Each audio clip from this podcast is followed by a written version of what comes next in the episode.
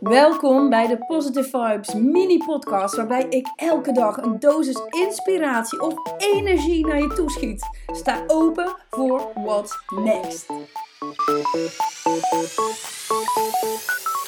Good morning cuties, welcome in the new beginning of 2024.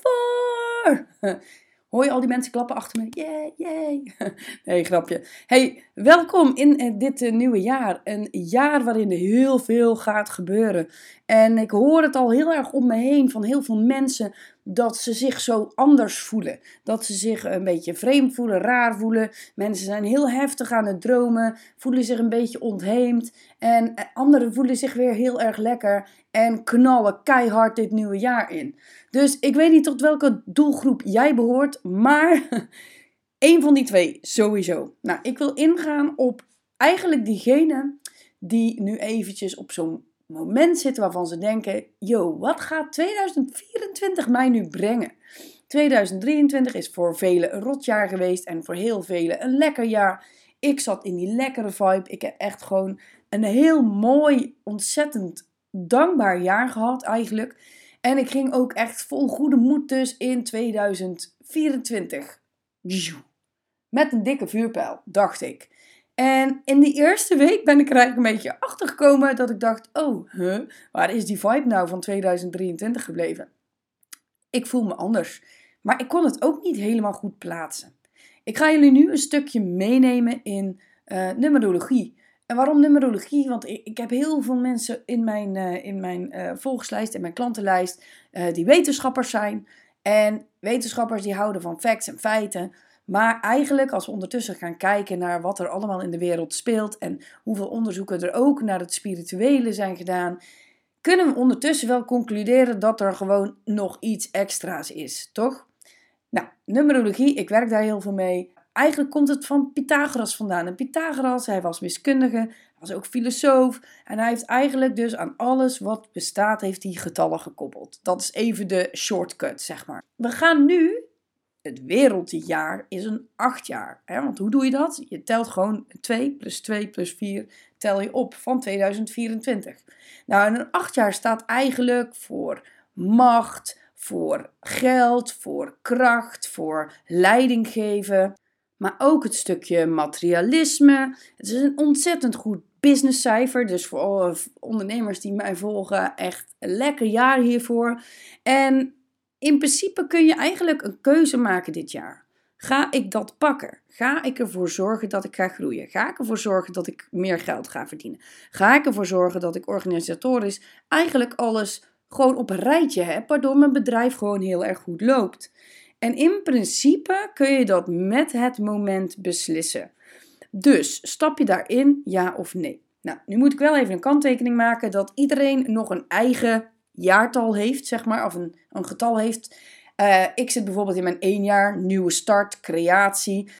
Ontiegelijk leuk om daarin te zitten. Echt, ik, lekker in die flow zit ik ondertussen, na een week wel.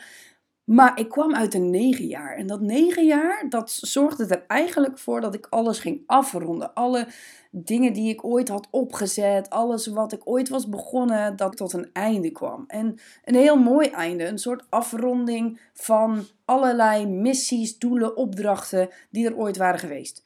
Dus ja, dus het is ook nog even belangrijk hoe jij er dus in staat. Dus voor mij is het heel erg belangrijk om in dat nieuwe stuk te stappen. Nu wil ik eigenlijk hier niet al te veel over uitweiden. Waar ik het vooral over wil hebben is over wat er in de wereld gebeurt op dit moment. We zien dat heel veel mensen heel erg op een eigen eiland zitten. Dat iedereen heel erg individueel zijn taken aan het uitvoeren is, zijn leven aan het leiden is. En ik hoor mensen al zeggen: ja, maar ik doe heel veel sociale dingen. Maar dat je heel veel sociale dingen doet, betekent niet dat je daar helemaal in zit met je gevoel, met je emotie, met je empathie.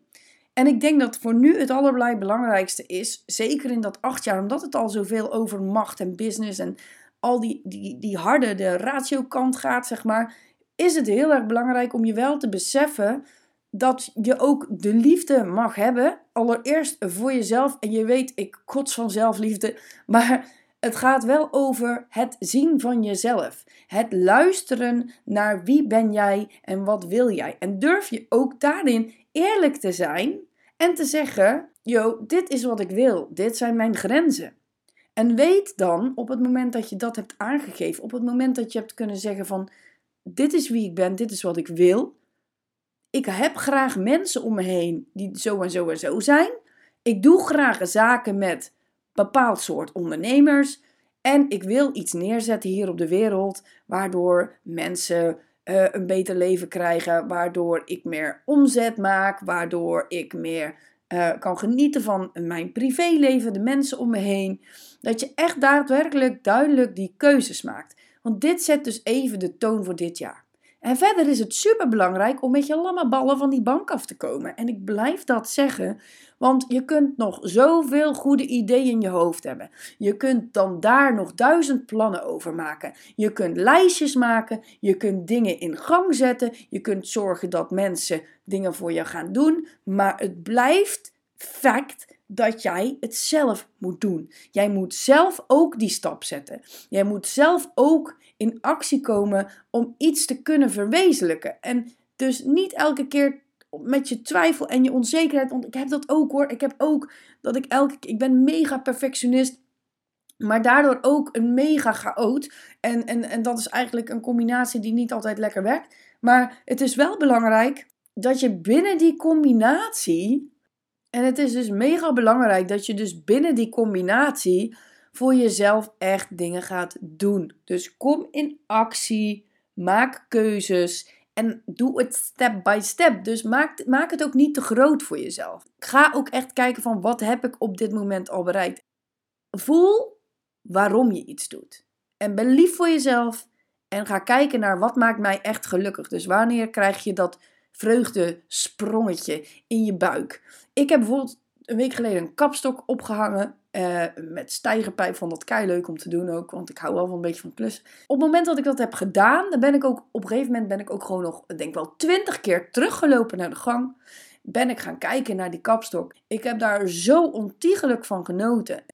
Dat zijn precies die dingen die je voor jezelf moet beseffen. Laat je iets liggen.